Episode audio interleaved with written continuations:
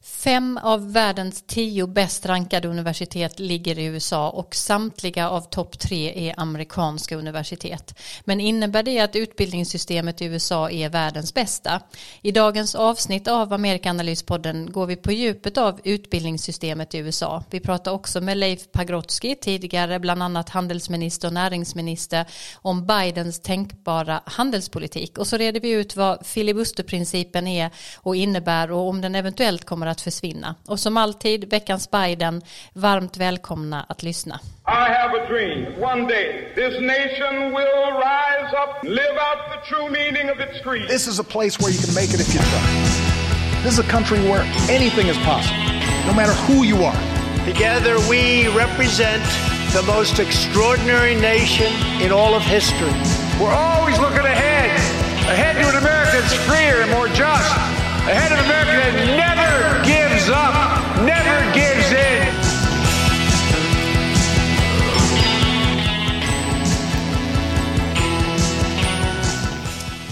Ja, än en gång varmt välkomna. Vi som gör den här podden är som vanligt Karin Henriksson, eh, mångårig journalist, författare i Washington DC, Dag Blank, professor vid Nordamerikainstitutet i Uppsala i Stockholm är du och jag Frida Stranne, forskare och krönikör bland annat som sitter i ett hus utanför Halmstad.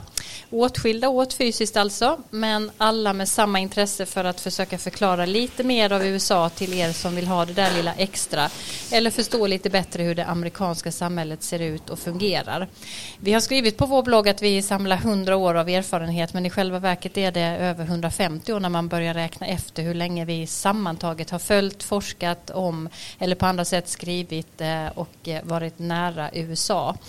Eh, ja, jag vet inte vad det säger om oss, men eh, att vi fortfarande håller på med ämnet. Men en sak är säker, vi har massor att prata om. I förra avsnittet så noterade jag att våren börjat skymta fram och igår på min långpromenad så sken solens strålar varmt och då hörde jag också det här ljudet. Eh, det är ju eh, helt magiskt skulle jag säga. Eh, bäckarna här i skogen bakom mitt hus lät på det här sättet och det blir man ju verkligen glad av. Hur ser det ut nu i DC, Karin? Har knopparna börjat spricka upp lite grann? Ja, alltså det där ljudet hörs här också, men det är lite andra skäl. Det är nämligen ösregn. Och det behövs i och för sig för att det har varit väldigt torrt, men det är också lite svalt. Så knopparna tar, om man lov att säga, tar tid på sig. Vågen har tagit paus. Mm. Och i bakgrunden så hör vi de berömda ljuden från DC med, eh, eller är det Stockholm kanske som eh, det är utryckningsfordon dag? Det är Stockholm det. Det är Stockholm var det till och med ja. Eh, vad har du gjort i övrigt sen senast? Ja, jag har undervisat. Jag har träffat mina studenter via Zoom och forskat lite grann mm. som man gör på universitetet. Mm. Spännande. Ungefär så. Eh, innan vi går in på eh, vårt spännande huvudtema och lite olika inslag så eh, tänkte jag höra lite om det senaste som har hänt i, i politiken. Det går ju snabbt framåt, verkligen måste man säga. Vad, vad sticker ut, Dag? Ja, jag tycker att det är något verkligen remarkabelt som har hänt att USA har fått barnbidrag som en del av det här stora stödpaketet som kongressen antog, Bidens stödpaket, Demokraternas stödpaket, så ingår ett barnbidrag och det är något nytt i amerikansk politik. Man har haft skattelindringar för barnfamiljer men, men ett direkt barnbidrag av, av europeisk stil är något stor förändring. Och det är regeringen, the era of big government, kanske har det kommit tillbaka. Det är ju ett enormt stimulanspaket med massor av pengar för den federala regeringen. Det tycker jag är intressant. Och sen nummer två, att vaccineringen har gått så bra i USA. Bättre än i EU och än i Sverige. Mm, verkligen. Um det här med att the era of big government är någonting som vår gäst idag, eh, Leif Pagrotsky, kommer att kommentera lite kort också. Eh, Karin, vad säger du? Ja, tyvärr måste jag ta upp något väldigt sorgligt. Eh, man har varnat ett bra tag för att, eh, för att det pågår diskriminering mot människor som har asiatiskt ursprung, asian americans alltså. Nu är det en ung vit man som har häktats för mord på åtta personer. Och fyra av dem hade rötter på koreanska halvön och de jobbade på så kallade massage parlors i Atlanta. Och en lokalpolitiker han, han sa att det tycks vara en kombination av kvinnovåld, kvinnohat och främlingshat. Och kanske också, och det är många som pekar finger mot Donald Trump och hans prat om Kung flu, flu som han sa och Kina-viruset. Men samtidigt så ska jag också påpeka att eh, det är ju Oscars-nomineringar ute och eh, de, det var en ovanligt multietnisk samling det här året och till exempel en film som heter Minari som regisserades av Lee Isaac Chung. Och den handlar om hans barndom i en exilkoreansk familj i Arkansas. Så mm. den måste vi se. Mm. Dessutom första gången i Oscars historia som två kvinnor är nominerade till bästa regi vet jag också faktiskt, vilket ju också är glädjande. Eh, jag tänkte bara det som Dag var inne på Karin, att eh, vaccineringen nu går så bra i USA. Är det någonting som man märker av någon optimism som börjar dyka upp? Ja, det kan man säga, men samtidigt så, så finns det ju ett, ett utbrett, eh, en utbredd skepsis mot vaccinet, särskilt bland republikaner. Jag läste en artikel där man hade tittat på hur många i kongressen som har vaccinerat sig. De har haft tillgång till vaccin flera veckor. Och tydligen är det 100 av drygt 400 som inte har gjort det. Det är ju väldigt hög procentsats får man så säga. Mm. Och med tanke på det du sa just om eh, ovanligt mycket multietniska utnämningar eller nomineringar till Oscarskandidater så har vi kan vi också säga att det är väl värt att nämna att USA nu har fått sin första minister från ursprungsbefolkningen. Deb Haaland, kanske man uttalar det, har godkänts av senaten och är med detta även den första ursprungsamerikanen att ingå i ett presidentkabinett. En synnerligen viktig och historisk händelse eh, är ju detta med andra ord. Och det kan man också läsa om mer på vår blogg amerikaanalys.se där Susan Hegeman, en av våra gästbloggare, har skrivit ett läsvärt inlägg inlägg om just det där. Men nu tar vi första inslaget idag eh, om veckans Biden.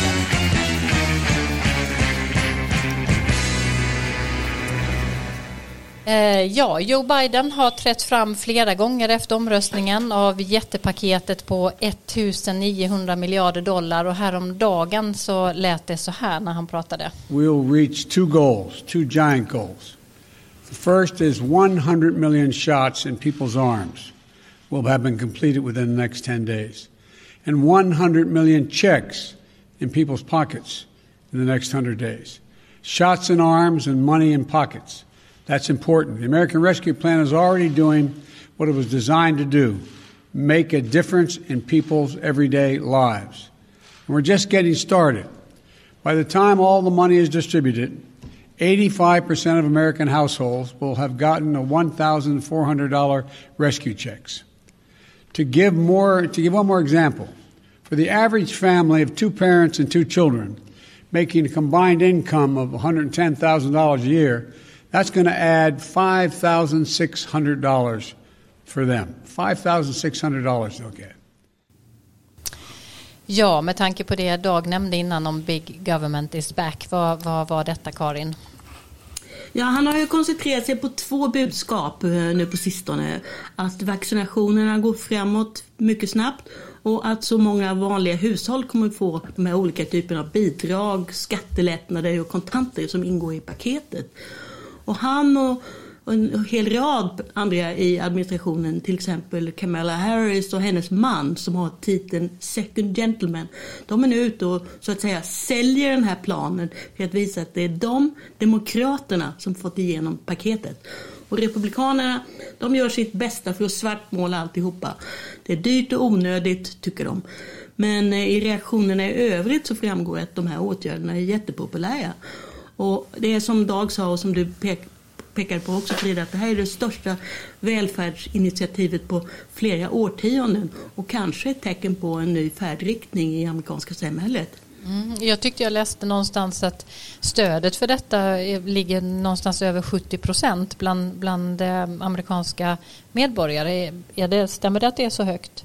Ja, ja det gör det. Och det är naturligtvis så att det väldigt högt bland kanske 90-95 procent bland Demokraterna och alltså då motsvarande något lägre bland Republikanerna. Men totalt sett är ju 70 procent en jättehög siffra. Mm. Ja, återigen så om ett tag kan jag flagga för då så kommer Leif Pragotski också att kommentera lite om detta och vad det kan få för inverkan på handelspolitiken. Men nu slänger vi oss över tycker jag i det som är vår eh, fördjupningstema för, den här, eh, för det här poddavsnittet.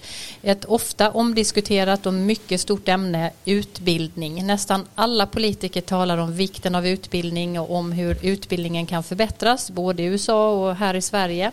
Och i USA finns det bland många en utbildning utbredd uppfattning också om att amerikansk utbildning är the envy of the world. Det vill säga att resten av världen ser den amerikanska utbildningen som överlägsen alla andra länders.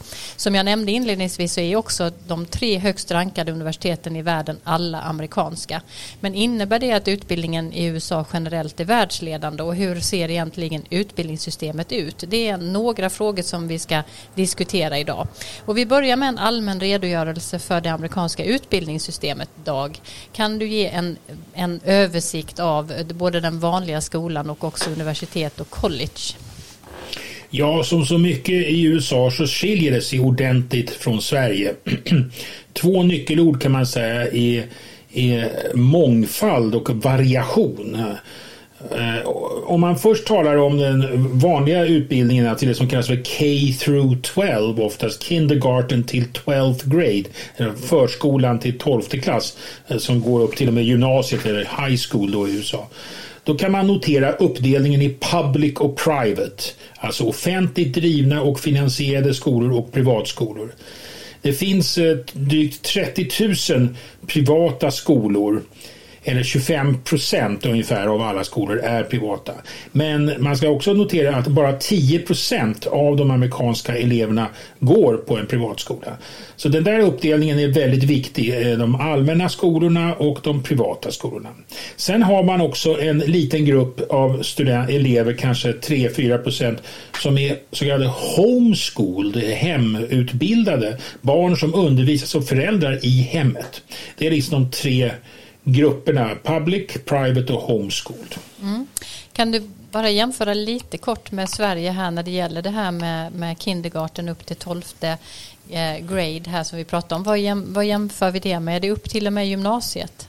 Ja, tolfte klass det är, det är gymnasiet, precis. High school, det är de fyra sista åren som vi alla känner till från alla filmer och tv-serier. Och så börjar det då i, i, i, i, förskolan. Förskolan är ju mycket mer utbyggd i Sverige än den är i USA. Eh, det är, en, det är en, ett område som kommer, tror jag, just barnomsorg och förskolor. Så att säga. Men, men precis så kan man säga. Mm. Och vad ska man då säga om de allmänna skolorna?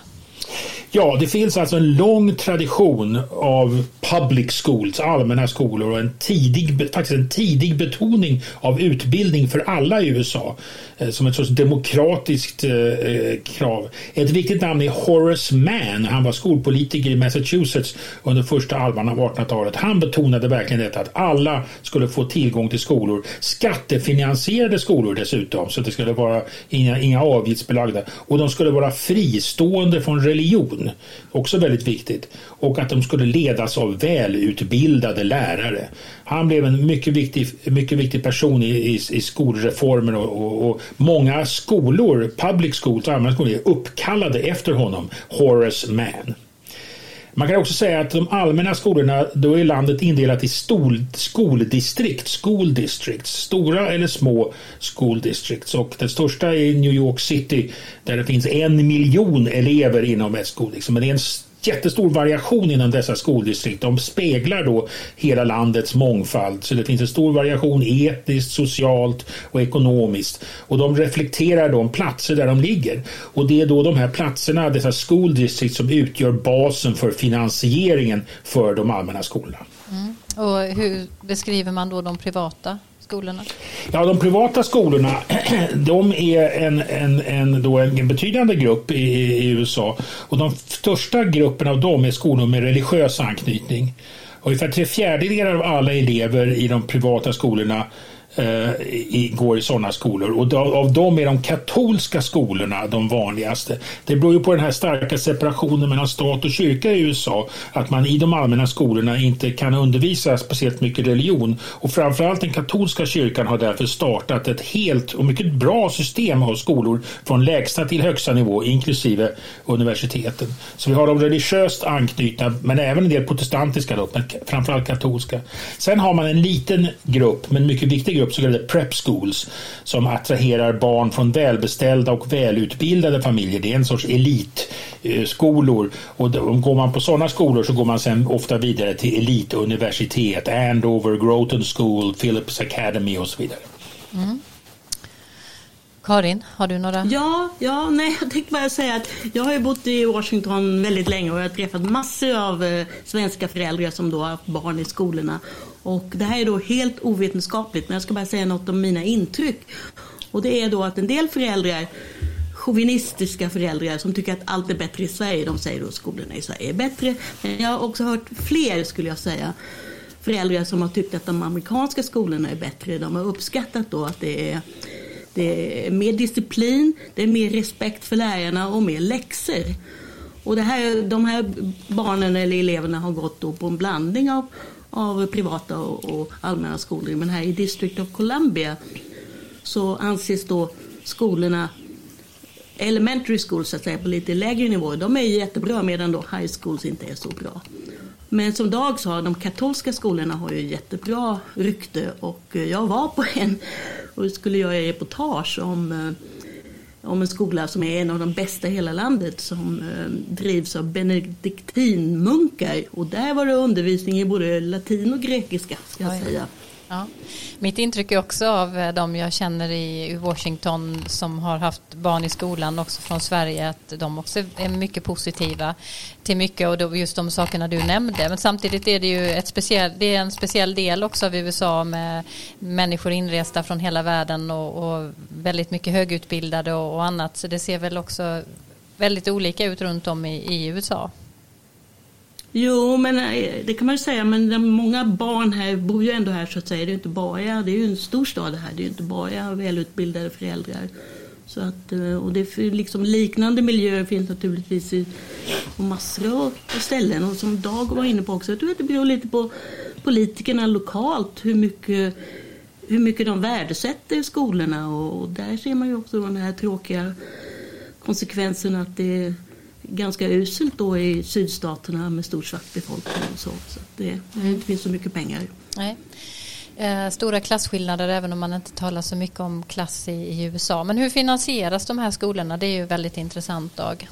Ja, det är precis som Karin var inne på. Det finns skolorna, de allmänna skolorna, de styrs på lokal nivå. De styrs och finansieras på lokal nivå localism, alltså politisk och finansiell localism. Alltså. Och eh, det finns så att skoldistrikt, skoldistrikt som styrs av skolboard som, som väljs. Va? Så det finns ett väldigt stark lokal betoning och det anses vara en styrka att skolorna finns nära föräldrarna och, och eleverna och så vidare. Men det gör också att det, de, de, om man bor i lokala områden med dålig ekonomi eller konservativa politiker eller radikala politiker man vill så kan de få en väldigt stor inflytande på en skola. Så uniformiteten, likformigheten blir mycket mindre. När det gäller finansiering så finns det en speciell omständighet. De skattefinansieras alltså de allmänna skolorna och då är det de här skoldistrikten som ska bära skatterna och det finns en speciell omständighet här och det är att det är mycket fastighetsskatten spelar en stor roll. Och det kan man ju fråga sig varför är det ett problem? Jo, det betyder att om bor man i ett välbärgat område där fastigheterna är högt taxerade, fina villor i förorterna, då får man ju mycket mera pengar ut ur fastighetsskatten. Man får en andel av fastighetsskatten så att säga. För den är högre, inkomsten från fastighetsskatten är högre, än om man bor i ett fattigt område där, fastigheterna är i dåligt skick och lågt taxerade. Eh, och det där är ett jätteproblem. Eh, historiskt har det alltid varit fastighetsskatten. Idag är fortfarande 37 procent, jag slog upp det där, av inkomsterna kommer från fastighetsskatten i skoldistrikten. Även om man på senare år har sett en rörelse att, att delstaterna där kliver in och försöker omdistribuera eh, pengar så att de fattigare områdena ska få mera pengar eh, för att kunna då förbättra skolorna. Men det där är ett, ett, eh, ett, ett, grundproblem och det har att göra med den här lokala lokala kopplingen på samma sätt som dessa skolboards då kan styra väldigt mycket över skolorna. Det finns vissa generella, delstaterna har vissa generella krav på läroplaner och så vidare men alla diskussionerna till exempel att man ska man undervisa i, om Darwin eller ska man inte undervisa om Darwin där, eh, det måste man till slut göra men där är de här skolstyrelserna spelar stor roll. Mm. Eh, och priserna för, eh, för skolorna? Eh. De privata skolorna de är avgiftsfinansierade helt enkelt och där varierar, där, varierar priserna. De, eh, preppskolorna, de här elitskolorna, de är dyra men de religiösa skolorna, de katolska skolorna, de är oftast billigare men de har en avgift och där måste föräldrarna betala eh, studieavgifter alltså. Mm. Och om man då ska titta lite på priserna för college och universitetsstudier så varierar det är ganska stort och beror bland annat på hur högt rankade skolorna är, var de ligger och om de är offentliga och privata också precis på samma sätt. Och den som väljer ett universitet i en annan delstat än den man kommer ifrån får betala en högre avgift. Eh, snittkostnaden för ett läsår på ett offentligt college är cirka 10 230 dollar. Det här är siffror från 2019. Snittkostnaden för ett läsår på ett privat lärosäte är 35 830 dollar.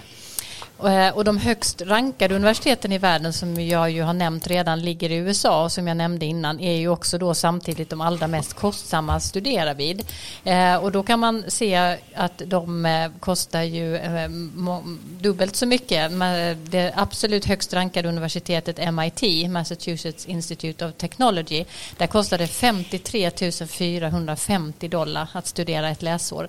Stanford University på andra plats 52 800 dollar drygt drygt och Harvard University 47 730 dollar. Eh, vi kanske till och med ska lägga ut lite av alla de här siffrorna på vår blogg sen så att eh, det blir lättare för er att se och jämföra.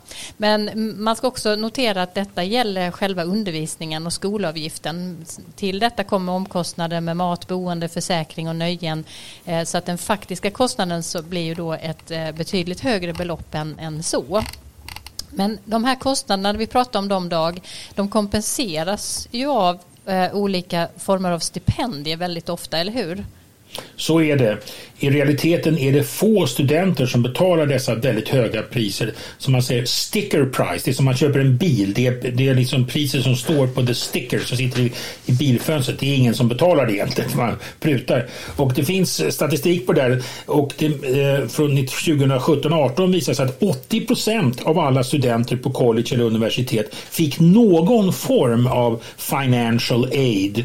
Och det kan man få då från delstaterna, man kan få det från den federala regeringen lite, men man kan också få det från skolorna själva. Om skolorna själva råkar ha pengar och vara rika så kan de också ge, ge financial aid och så kan man också ha, få lån. Va? Så de flesta, de flesta har eh, någon typ av financial aid. Och det här att man får från skolorna själva, det är ju någonting som inte vi har i Sverige. De svenska universiteten betalar inga det kostar ingenting att gå på svenska universitet men eh, det är ju skattefinansierat så på det sättet kostar det. Men eh, många universitet och college ger själva ut stipendier. De har endowments, alltså de har stora, eh, mycket pengar på banken i stora stiftelser och avkastningen av detta är väldigt viktig.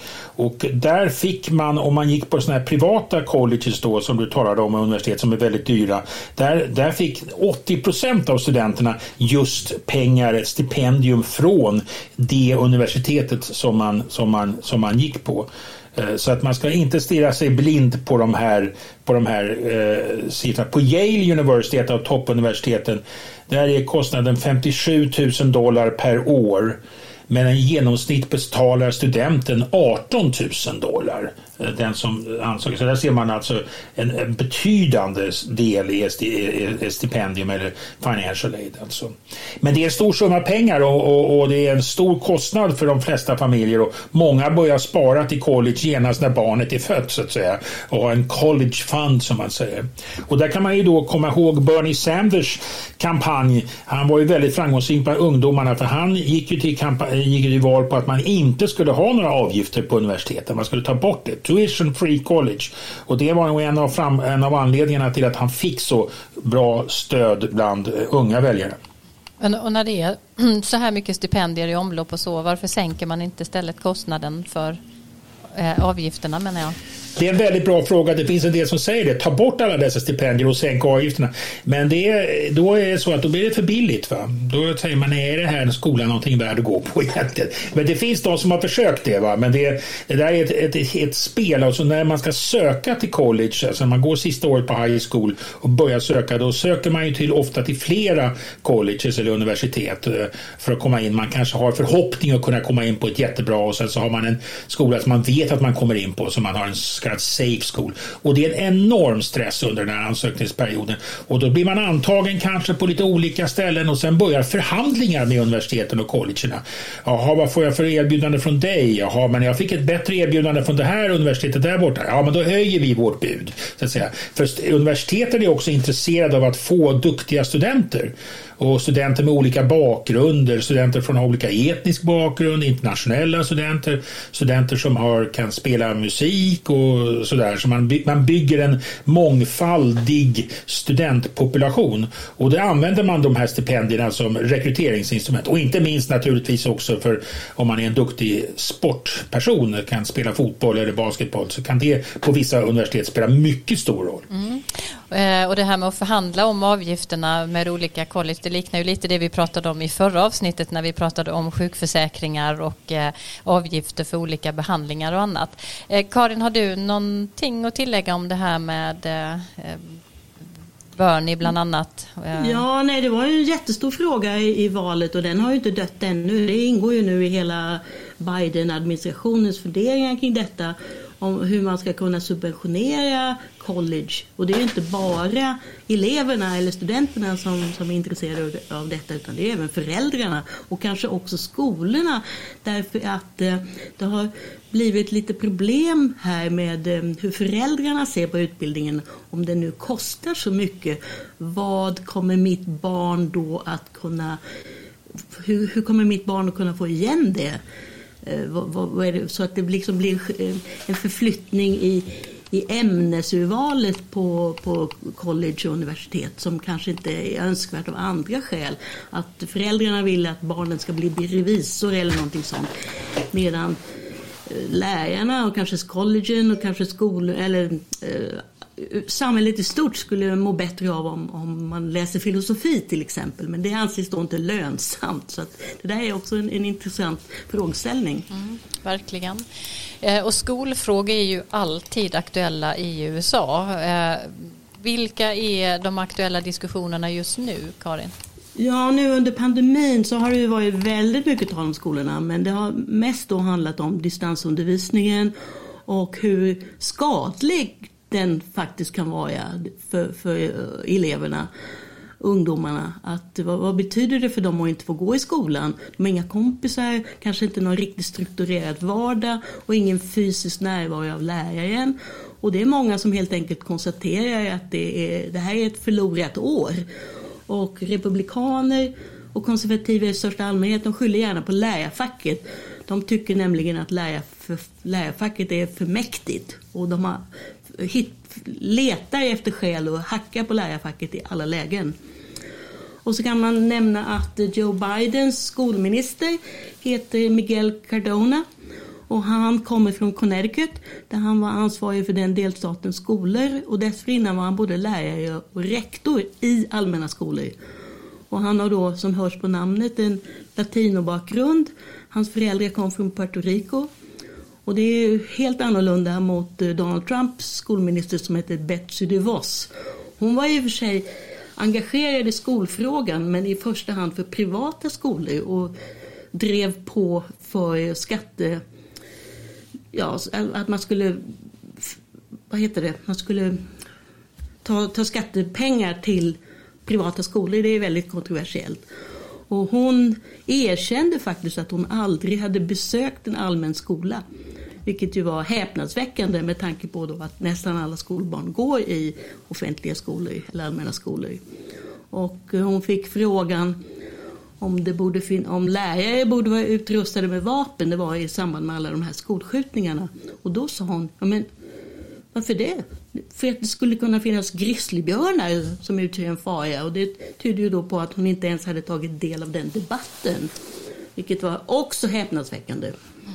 Ja, hon var ju verkligen eh, kontroversiell och var väl med nöd och näppe att hon eh, godkändes av eh, senaten har jag för mig. Nej, men hon, hon satt hela perioden ut. Mm. Men bara en sak till om... Alltså det, det, det som Dag säger och som vi var inne på att den federala staten har väldigt liten möjlighet att, påverka. Men det var faktiskt en, en reform för ganska många år sedan i det här laget som faktiskt var tvärpolitisk, vilket ju är väldigt ovanligt. Och det var George W. Bush och Ted Kennedy som var pådrivande för något som kallades för No Child Left Behind. Så det, det, det finns ett intresse för frågorna politiskt. Mm. Dag, du gjorde en genomgång innan av preschool och fram eh, upp över ehm, high school. En skiss också av den högre utbildningen. Hur, hur ser den ut? Ja, det är samma sak som vi sa tidigare. Det är mångfald och variation och det är skillnad mellan statligt och privat. I det här fallet är statligt delstaterna. Alla delstater driver universitet. Många delstater driver flera universitet. De flesta driver faktiskt flera universitet. Och det finns totalt sett drygt 4200 institutioner för högre utbildning i USA. Ungefär hälften är privata och hälften är allmänna. Och de allmänna är alltså då eh, drivs av delstaterna och de andra är privata, då, privata universitet. Men 75 procent av studenterna går på allmänna universitet så det är samma sak som de vanliga skolorna. Så att säga. Den större delen av studenterna går i de, i de allmänna skolorna. Och de privata skolorna då, eh, på samma sätt som i, i, på lägre nivå så har många av dem religiösa rötter. Även om i många fall har den där religiösa kopplingen kanske uttunnats. Eh, med, med, med, åren. Storleken varierar enormt från mindre colleges, ofta då, då lite privata med några tusen studenter kanske, där man bor på skolan och de här vackra miljöerna som vi har sett så ofta, där man har väldigt nära kontakt med sina lärare, till jättestora universitet, eh, 40-50 000 studenter på enorma campusområden och, och, och, fullt med affärer och barer och massor av sport och idrott. Så det är en, en, en väldigt stor variation. De största delstatliga universiteten universiteten har över 50 000 studenter. Texas A&M, Ohio State, University of Minnesota, University of Illinois. Mm, man hör ju både om college och universitet väldigt eh, många gånger båda två begreppen. Men vad är egentligen skillnaden? Ja, det är en bra fråga. Alltså, eh, college, de institutioner som har ordet college i sig, för det mesta, inte alltid, men för det mesta, så avser det grundutbildning de fyra första åren. Alltså när man får en bachelor's degree. De, när man börjar då, man är ofta 18, man börjar man är lite yngre än i Sverige, men så går man också fyra år. Och sen om man går på ett universitet, det betyder att man kan gå vidare till utbildning bortom grundutbildningen. Master, doktor, eh, disputera, läkarutbildningar, juristutbildningar och så vidare. Det är liksom grund, grundskillnaden mellan ett college. Ett college är bara de fyra första åren, men ett universitet innefattar all, allting, inklusive de fyra första åren. Sen säger man ofta bara sådär I'm going to college och då menar man i allmänhet att man går på universitet där. Det är liksom college-studenter, det är, det är också universitetsstudenter. Men grundskillnaden är att college är de fyra första åren, universitet omfattar allting. Mm. Vi har ju konstaterat nu då flera gånger att de flera av världens bästa universitet är amerikanska universitet. Eh, de är topprankade och man skryter ju också väldigt gärna om nivån på sina universitet. Men är de generellt sett bäst i världen då? Ja, de främsta i världen finns onekligen där på de här rankningslistorna som du nämnde. Stanford, MIT, Caltech, Harvard och så vidare. Och det är en, eh, de drar till sig oerhört duktiga forskare och studenter från hela världen. Det finns en, en jättekonkurrens och en elitism i det amerikanska systemet. Tittar man på Nobelpristagare och så vidare så de flesta kommer från USA. Men skrapar man lite så ser man att många av Nobelpristagarna är inte födda i USA utan de kommer från andra länder som har sökt sig till de här miljöerna för att de är så dynamiska och framstående. Men kom ihåg variationen. Alla de här universiteten som vi känner till, de här ledande universiteten, de är bra, mycket bra, men alla är inte alls lika bra. Det finns en jättestor variation där så det, man, det finns många som är betydligt av lägre kvalitet också. Va? Eh, vi har också då de privata universiteten, de goda, fantastiska Stanford, Harvard, Yale och så vidare. Men så har vi också State University, så där har vi också flera mycket bra universitet. University of California-systemet, Berkeley som man ofta talar om. Det är ett statligt universitet inom University of California-systemet. Det finns många olika campuses i, i, i Kalifornien och det är där delstaten Kalifornien under många år har satsat mycket pengar på, på ett, ett delstatligt universitetssystem. Mm. Allting handlar ju om pengar eh, i slutändan och få budgeten att gå ihop. Och hur, hur får universiteten det? Ja, det är svårt. De allmänna universiteten då, de har ju eh, traditionellt sett fick de pengar, skattepengar från delstaterna så att delstaternas eh, barn och ungdomar skulle kunna studera där helt enkelt. Och det var låga avgifter. Men nu går delstaternas ekonomi knackigt och stödet för de här State Universities har minskat drastiskt. Många har, får inte ens 50 procent av sin budget från delstaterna och då måste de kompensera med höjda studieavgifter.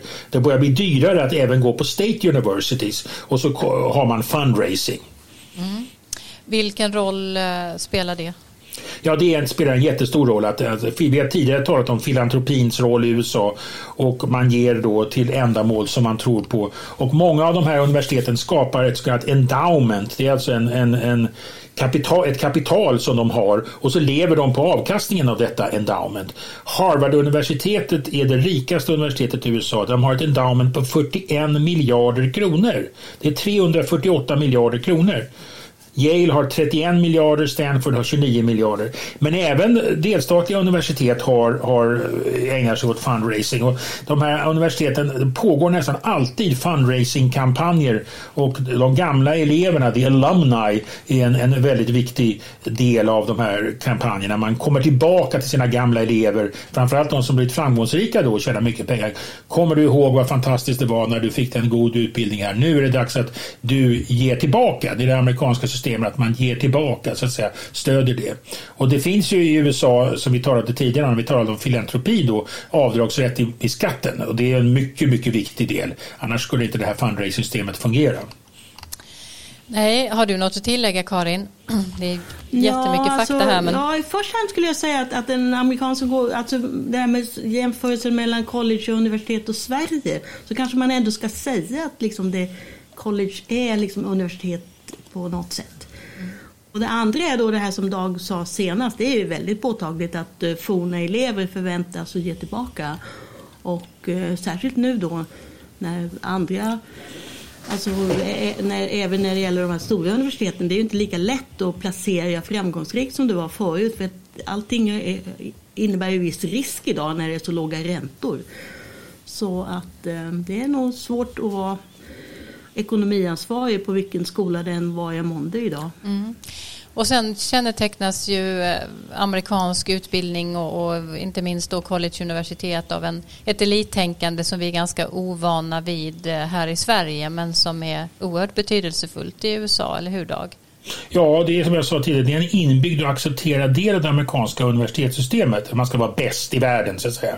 Den vill inte vara bäst i och för sig, men en liten anekdot bara. Det är en bekant som hälsade på mig, eh, en svensk ungdom, när jag var tillbringade en termin på Stanford-universitetet och då gick vi på, med på en sån här rundvandring för prospektiva studenter som pågår hela tiden. Man vill rekrytera studenter och studenterna reser dit och man tittar på det hela och de berättar om hur, hur det är och hur fantastiskt allting är och trevligt att gå på den här skolan och man får träffa andra studenter och så. Och då kom frågan upp hur, hur många som antogs. Det var då mindre än eh, 5 procent av de som sökte som antogs. Det visade hur oerhört svårt det var att komma in. Och det var de lite stolta över. Inte så lite stolta över. Det, det gjorde att de var väldigt selektiva. Och då sa den här eh, min bekant, men är inte det lite orättvist mot de som inte kommer in?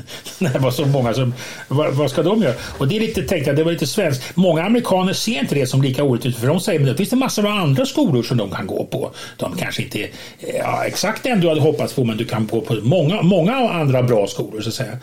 Så att det här elitismen, det är någonting som tycker jag gäller överhuvudtaget i det amerikanska samhället. Det är mycket mer accepterat än, än kanske än i Sverige. Mm. Och någonting annat som vi måste också ta upp tycker jag när det gäller college och universitet i USA och som jag slogs av när jag var gästforskare vid ett universitet i, i Washington för några år sedan. Det är ju campusmiljön och hela campusandan. Inte minst då sportens betydelse och hur sammanhållande och enormt stort det är som, som fenomen.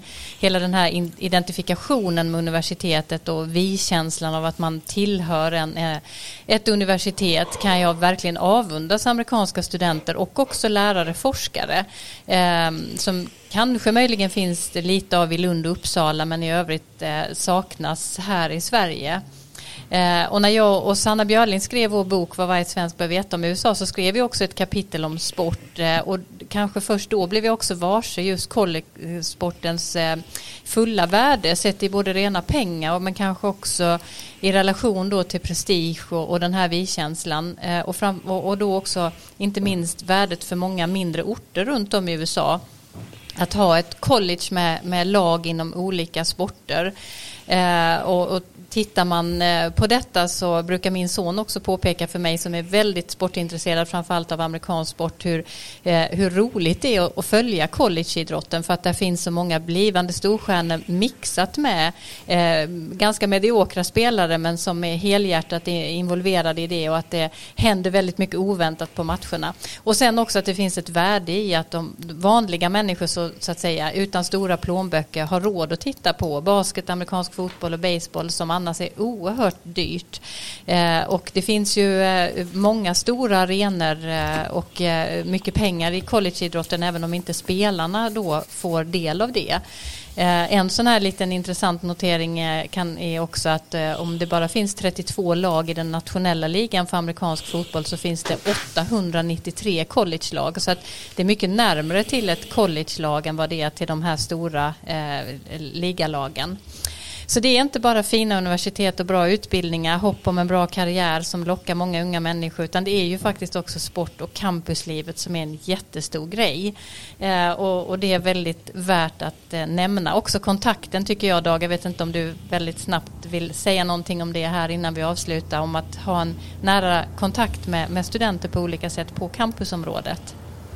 Och det är mycket karaktäristiskt för, för amerikanskt universitetsliv Eh, det nära förhållandet mellan lärare och studenter. Ja, verkligen. Ehm, det är jätteroligt att eh, på olika sätt eh, vara del av den amerikanska universitetsvärlden. Vi har ägnat stor tid åt det här ämnet nu så vi lämnar det tycker jag och går över till ett annat inslag med veckans gäst.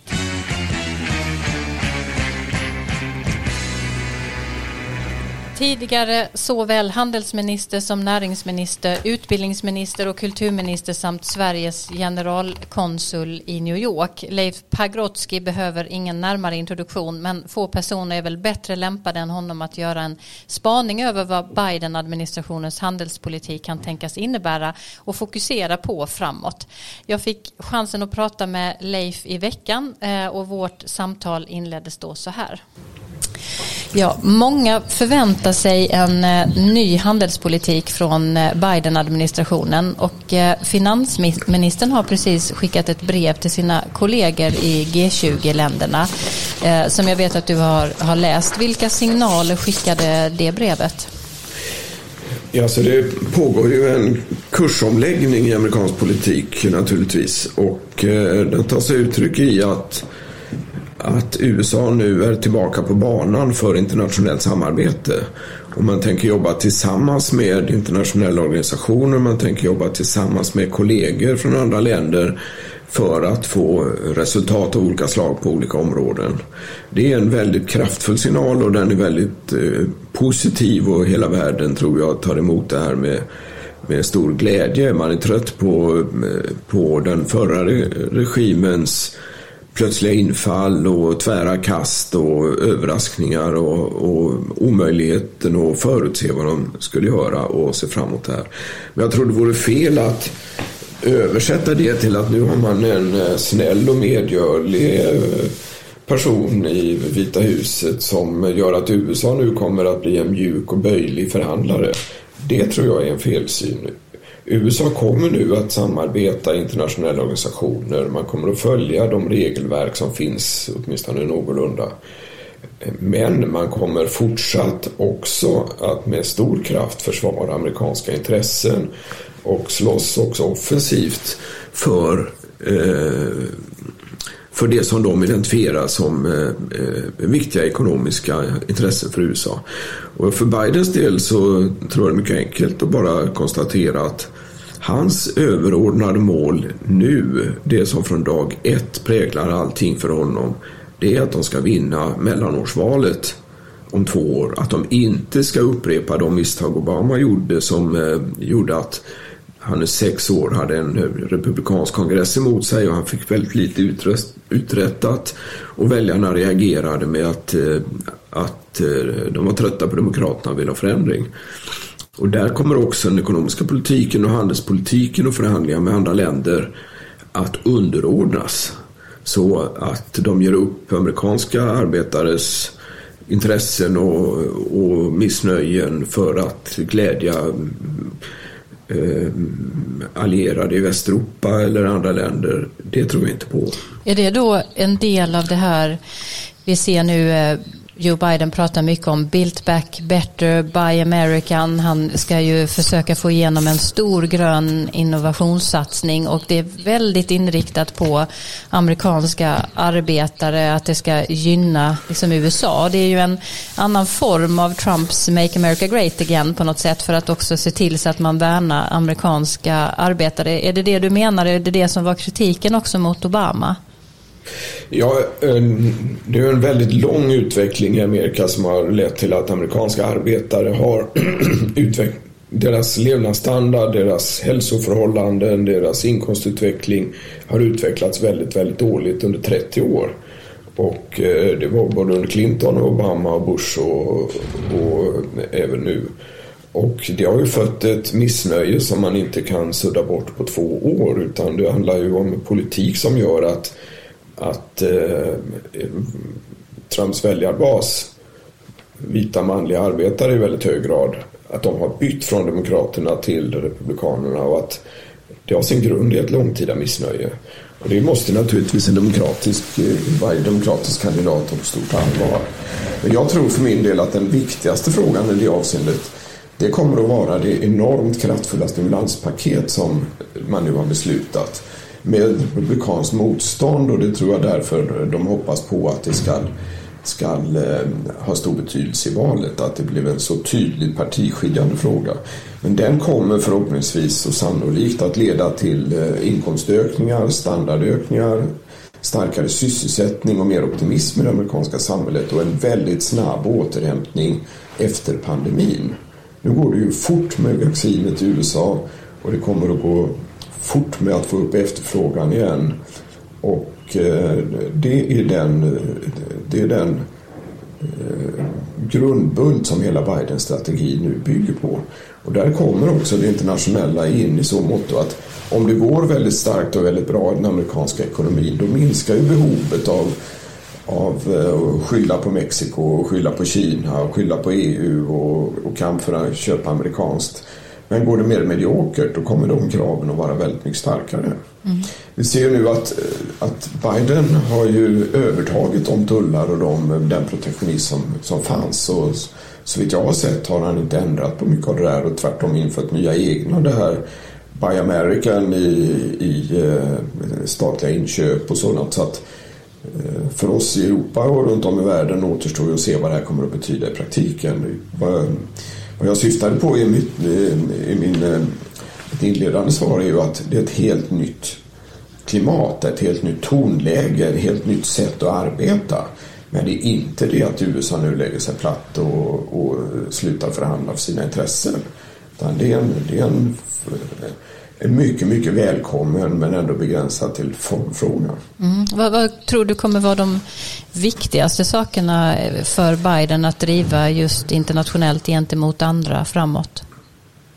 Ja, en, en viktig sak tror jag kommer att vara att den på den ekonomiska politikens område att verka för att den internationella lågkonjunkturen som pandemin har drivit fram att den hävs och att man kan få upp aktiviteten. Då ökar ju också efterfrågan på amerikanska eh, varor och tjänster och att det blir eh, lättare också för USA. Och inte minst gäller ju det i eh, Latinamerika. Alltså ju mer fattigdom och, och arbetslöshet i Mexiko och Centralamerika och också övriga Latinamerika, ju större tryck på migrationen som ju kan vara en, en sån bomb som kan fälla Demokraterna i mellanårsvalet. Det kan bli ett starkt trumfkort för Republikanerna så som amerikansk opinion ser ut om, eh, om det här eh, inte fungerar. Därför är det ett starkt intresse för dem att också ekonomin utvecklas starkt utanför USA. Och det tror jag de kommer att jobba för. En fråga som de allra flesta ställer sig och som kanske var en av de delarna som Trump fick eh, mest positivt beröm för det var en liten annan och tuffare attityd mot Kina. Vad, vad förväntar du dig av Biden eh, gentemot Kina? Jag tror att eh, de bakomliggande orsakerna till missnöjet med Kina eh, delar Trump med till exempel Västeuropa och, och Demokraterna. Att Eh, de använder metoder för att subventionera sitt näringsliv. De använder metoder för att inte respektera andra länders eh, immaterialrätt. Att man eh, inte respekterar patent och sådant. Men där ju, blir man ju mycket starkare om man agerar tillsammans inom de former som, som finns. Vad Trump gjorde var ju att han gjorde utspel på Twitter och plötsliga infall och sånt och som vi vet nu, det var ju inte särskilt effektivt. Det slog ju tillbaka väldigt hårt på USA självt. När Kina började sluta köpa amerikanska jordbruksprodukter och amerikanska bönder fick eh, ekonomiska problem och viktiga väljargrupper för Trump. Så att eh, jag tror att det kommer inte att vara så väldigt stor skillnad i inriktningen på politiken Eh, däremot på sättet att arbeta med den återigen, att det är en temperamentsskillnad och kanske att den kommer att bli mer effektiv. Samtidigt ska vi ha klart för oss att den här pandemin har ju inneburit nu att Kina tar ju ett språng i ekonomisk utveckling i förhållande till Västeuropa och USA. Den, eh, det avstånd som har varit mellan världens största ekonomier eh, USA, EU och Kina krymper ju med raketfart. På bara ett par år nu när Kina växer med 10 procent och, och Västeuropa backar så kommer de ju snudd på ifatt EU och de krymper gapet till USA. Och om ett par år så kommer de ha gått förbi båda två. Och det är klart att effektiviteten i påtryckningar på Kina minskar ju om Kina är, är riktigt stort och starkt och inte så sårbart. Det är ju något som USA vet för de är ju inte så sårbara för påtryckningar från övriga världen. Den som är störst och starkast behöver inte frukta eh, de som är mindre och svagare när de hotar dem. Du, du har ju en väldig erfarenhet av handelspolitik som eh, tidigare handelsminister eh, och näringsminister. Du har sagt, vet jag vid något tillfälle, att du har förhandlat med amerikaner från båda partierna och att de är lika hårda. Väldigt, väldigt kort eh, slut, eh, slutpoäng här. Stämmer det? Är det så? Ja, det tycker jag är faktiskt mitt eh, intryck. Eh, vi hade ju att göra med handelskrig med USA på, under mina åtta år som handelsminister på både när det gällde på Clintons tid och på eh, Bush tid. Eh, det gällde till exempel svenskt eh, specialstål. Vi hade liksom fabriker i stålverk i Fagersta och Munkfors och andra ställen vars produkter till amerikansk bilindustri var belagda med hundraprocentiga tullar. Och eh, vi hade själva, de hade bråk med EU där de satte ut olika varugrupper som träffade oss. Pepparkakor blev belastade med 100% extra tull. Symaskiner från Husqvarna och annat. Men eh, vad man fann var ju att det här var strider de ibland förde till förmån för amerikanska företag som stora kampanjfinansiärer. Chiquitas bananer. Det odlas inga bananer i USA. Det finns inga bananarbetare som röstar i valet. Men Chiquita är en viktig, eller var då en viktig donator till valrörelserna. Därför stred de för, för mot EUs bananregim som gynnade franska och engelska kolonier som hade pyttesmå bananer som vi i Sverige inte ville köpa. Du, jag, ehm, eh, det är väldigt spännande. Jag hoppas faktiskt att vi får möjlighet att komma tillbaka till dig och prata just om, om hur det är att förhandla med amerikaner i sådana här sammanhang. Stort, stort tack Leif Pagrotsky för att du eh, var med i Amerikanalyspodden. Tack så mycket. Det var skoj att vara med. Tack för att ni bjöd mig. Ja, det var samtalet med Leif Pagrotsky. Man hade kunnat tala givetvis väldigt mycket längre med honom. Eh, men vi har ett ämne kvar för dagen eh, som vi ska avsluta med och det handlar om filibusterprincipen eh, som är något som man hör talas om väldigt ofta men som många också tycker är komplicerat att förstå innebörden av. Nu talas det om att Demokraterna kan komma att försöka få bort den för att inte Republikanerna ska kunna missbruka den och hindra Biden och genomföra sin politik. Men vad handlar filibustring om? Det ska vi prata om lite kort nu här avslutningsvis. En av de mer kända filmerna med James Stewart är Mr Smith Goes to Washington från 1939 eh, och det ljudet passar bra här. Mr. President, I stand guilty as framed because Section 40 is graft. And I was ready to say so. I was ready to tell you that a certain man in my state, a Mr. James Taylor, wanted to put through this dam for his own profit. A man who controls a political machine and controls everything else worth controlling in my state. Yes, and a man even powerful enough to control congressmen. And I saw three of them in his room the day I went up to see him. Senator, yield. No, sir, I will not yield. Ja, det här handlade just om filibusten. Mr Smith har just valts in i senaten som går till attack mot korruption. Han filibustrar. Vad är det, Karin? Ja, det är en regel, en av många komplicerade regler i senaten som säger att man måste ha kvalificerad majoritet, det vill säga 60 röster för att gå vidare till omröstning. Men egentligen så måste man gå tillbaka till eh, författningen när den tillkom 1787 så ville då de så kallade grundlagsfäderna att se till att de små delstaterna det vill säga en minoritet med dagens mått mätt, ska få inflytande. Och eh, alla delstater har som bekant två senatorer och det här gör då att eh, republikanerna som i högre grad kommer från små glesbefolkade delstater, de representerar därmed en mindre del av befolkningen. Och det här irriterar Demokraterna allt mer och de börjar prata om ett permanent minoritetsstyre. Och eh, filibustern kommer då in i det sammanhanget eh, eh, genom att eh, då eller ja, förlåt, jag skulle, vad jag egentligen skulle säga var att filibustern finns inte i författningen. Men den har kommit att tillämpas allt mer och nu som ett vapen, i, ett politiskt vapen. Inte som det var tänkt att, eh, att man skulle samlas och verkligen eh, ja, åstadkomma enighet eh, eller då som sagt representera minoriteten. Och nu så har då vänsterflygeln i det demokratiska partiet verkligen vässat sina vapen. De vill avskaffa filibustern och i så fall så skulle enkel majoritet eh, räcka för alla beslut. Alltså 51-49 eller 51-50 som det då skulle bli idag med 50 demokrater plus eller 50 senatorer som röstar demokratiskt plus vicepresident Kamala Harris eh, utslagsröst. Och republikaner och för all del en del andra också, till och med demokrater och i synnerhet en av dem som heter Joe Manchin från West Virginia som har blivit mer och mer av en vågmästare. De tycker att det vore olyckligt att ändra den här idén om att man ska att eh, de små delstaterna ska ha inflytande. Att det var så det var tänkt när grundlagsfäderna satt där och, och smidde sina planer. Att senaten skulle vara en eh, en slags eh, cooling down eh, institution menade man att det ska vara liksom en, ett komplement till det mer hetsiga representanthuset. Så det var så det var tänkt men det har urartat tycker nu då Demokraterna.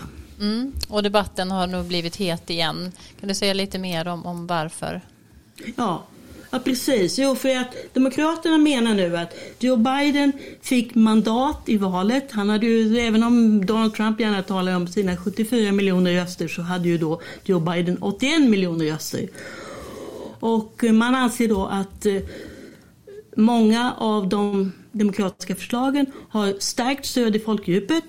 Och det gäller ju då pandemipaketet som vi var inne på, det gäller klimatåtgärder, det gäller vapenlagar, det gäller högre skatter för de rika. Men i det nuvarande systemet så finns det ingen möjlighet att, att driva igenom det här. Och, eh, det, det, det, det är en väldigt het debatt om det och eh, Mitch McConnell, den republikanska ledaren som jag väldigt snabb med att ta till det här vapnet när han var majoritetsledare. Han har nu ställt sig i förgrunden för motståndet mot en sån här ändring. Att se nu i Wall Street Journal, han har skrivit en, ett debattinlägg det här, som kallas för The Scorched Earth Senate, där han lovar att göra allt för att stoppa detta. Och alla som vet någonting om Mitch McConnell vet också att det kommer han att göra. Det är inte något tomt prat från hans sida. Ja, eh, vi brukar inte vilja spekulera men eh, ändå måste man ju fråga hur kommer det att gå? Eh, avskaffas filibustern nu under den här mandatperioden? Ja, det är svårt att veta. Det är ju som, som jag nämnde då, mittendemokraten Joe Manchin från West Virginia. Han har sagt sig vara emot. Och Joe Biden själv, han har ju 36 år i senaten bakom sig. Han lät först antyda att han var emot en ändring, men han tycks ha svängt lite grann. Han sa häromdagen att man borde gå tillbaka till hur det var när han var ny senator, att, man, att det faktiskt skulle mena att det skulle innebära, filibussen skulle innebära att man ställde sig på senatsgolvet och propagerade för sin sak. Men idag räcker det med att en senator bara skriftligen anmäler att jag är emot det här förslaget. Så att det kan ju bli en reform, det kan det bli, men det blir säkert inte så att, att eh, filibussen avskaffas. Eller vad tror du Dag? Eh, kanske, Kanske inte omgående, absolut inte. Det, senaten är också en, en, en, konservativ institution så att säga som åtminstone tidigare har velat söka enighet. men som du poängterar så när McConnell talar om scorch earth tactics så då, det, det lo, lo, lovar inte gott så att säga. Men man ska ju notera att precis som Karin säger det finns ju inget i konstitutionen som säger det här utan det här är en sorts uppgörelse som ska garantera eh, att det blir minoriteterna inte körs över och den reglerna för filibussen har ju ändrats av och till under tid. Mm. Ja, och det är värt att påpeka bara slutligen då att eh, under hundra år eller mer så användes den i princip bara i medborgarrättsfall. Det var de lagarna som majoriteten i senaten eh, motsatte sig och det var då sydstatssenatorer mm. som helt enkelt bromsade medborgerliga rättigheter i årtionden genom att använda den här metoden. Och det gör då att en del debattörer idag tycker att, att det, bara det är skäl nog att avskaffa den. Den borde inte missbrukas på det här sättet. Mm. Finns det något du vill knyta ihop säcken med Dag eller? Nej, jag tycker det är precis som Karin säger att eh, det, är en väldigt viktig faktor hur den användes för att stoppa medborgarrättslagstiftning. Och sen också att om det börjar bli filibuster på varenda sak, va? varenda lagförslag som läggs fram. Det, det, det var inte heller det som alls var av, av, avsett från början. Nej, vi får kanske anledning att komma tillbaka till den frågan och se hur det utvecklas. Men nu avslutar vi för idag. Stort tack mina eminenta poddkollegor Dag Blank och Karin Henriksson. Leif Pagrotsky för intressanta inspel om Biden och handelsfrågorna.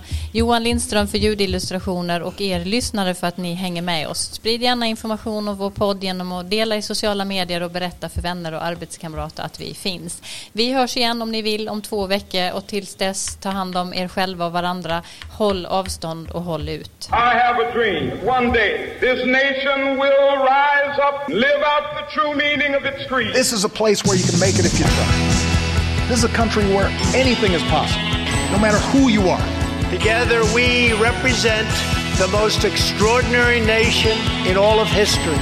We're always looking ahead, ahead to an America that's freer and more just, ahead of an America that never